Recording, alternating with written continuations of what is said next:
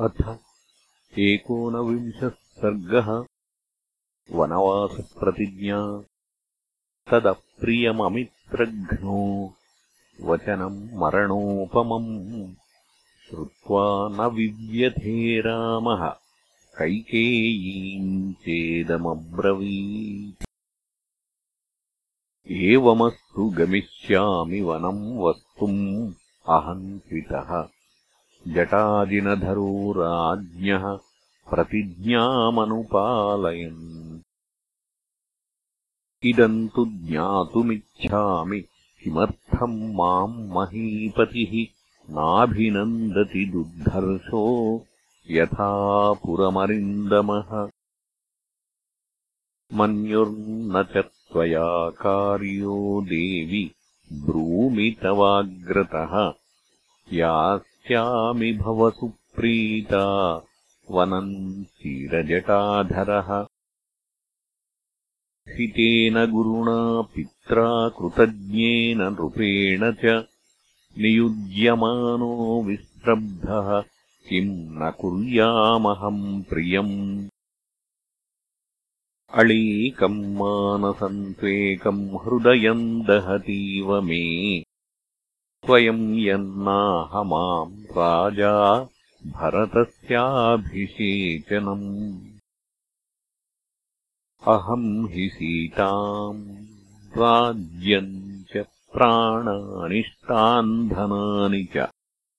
हृष्टो भ्रात्रे स्वयम् दद्याम् भरताया प्रचोदितः किम् पुनर्मनुजेन्द्रेण स्वयम् पित्रा प्रचोदितः तव च प्रियकामार्थम् प्रतिज्ञामनुपालयन्।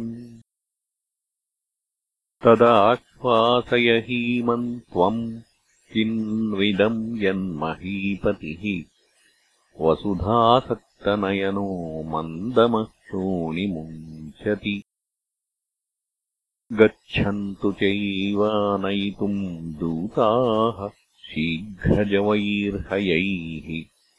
भरतम् मातुलकुलात् अद्यैव नृपशासनात्। दण्डकारण्यमेषोऽहम् इतो गच्छामि सत्वरः। अविचार्यपितुर्वाक्यम् समावस्तुम् चतुर्दश सा हृष्टा तस्य तद्वाक्यम् श्रुत्वा रामस्य कैकयी। प्रस्थानम् श्रद्दधाना हि त्वरयामास राघवम्। एवम् भवतु यास्यन्ति दूताः शीघ्रजवैर्हयैः। भरतम् मातुलकुलात् उपावर्तयितुम् नराः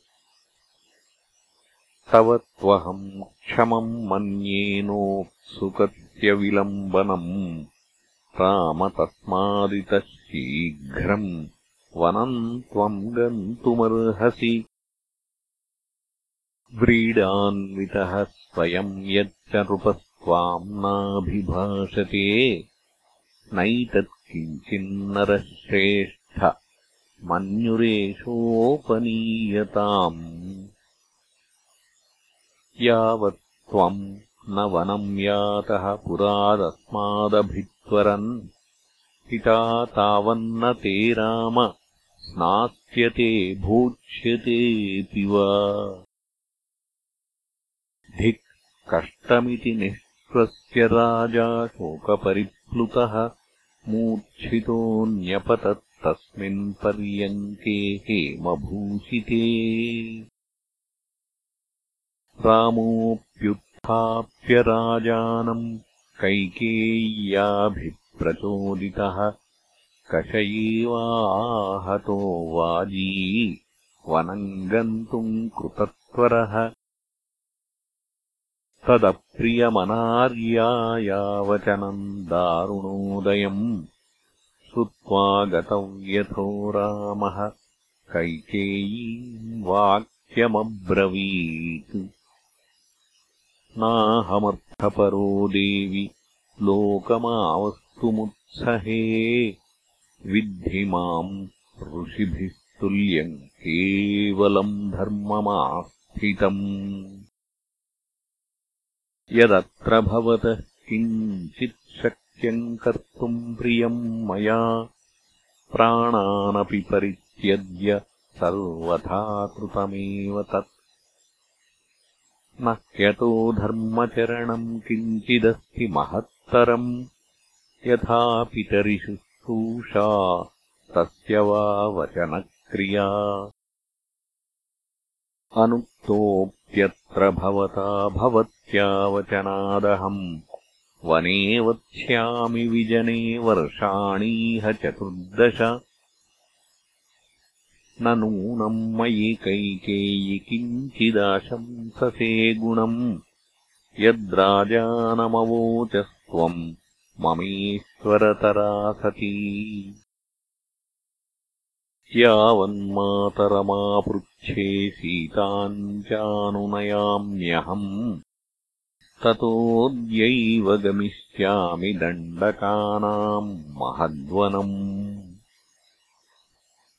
भरतः पालयेद्राज्यम् शुश्रूषेच्च पितुर्यथा तथा भवत्या कर्तव्यम् स हि धर्मः सनातनः। स रामस्य वचः श्रुत्वा भृशम् दुःखहतम् पिता।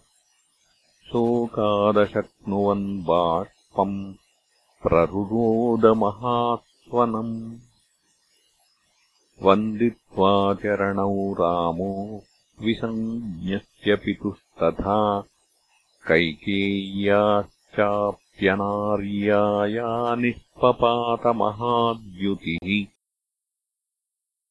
स रामः पितरम् कृत्वा कैकेयीम् च प्रदक्षिणम् निष्क्रम्यान्तः पुरात्तस्मात् ददर्श स्वम् सुहृज्जनम् तम् बाष्पपरिपूर्णाक्षः पृष्ठतोऽनुजगामः लक्ष्मणः परमक्रुद्धः सुमित्रानन्दवर्धनः। आभिषेचनिकम् भाण्डम् कृत्वा रामः प्रदक्षिणम्।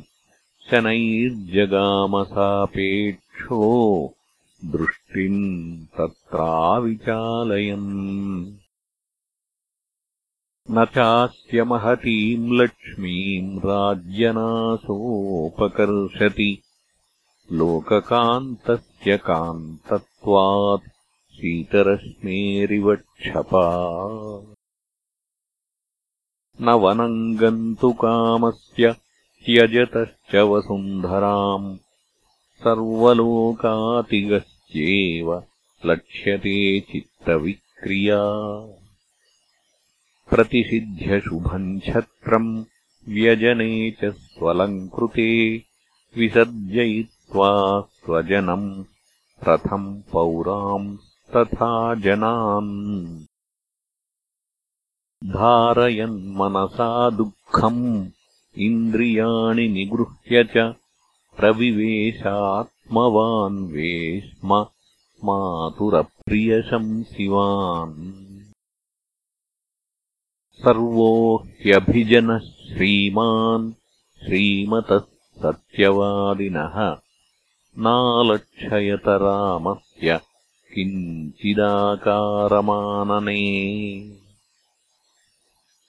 उचितम् च महाबाहुः न जहौ हर्षमात्मनः शारदः समुदीर्णांशुः चन्द्रस्तेजैवात्मजम्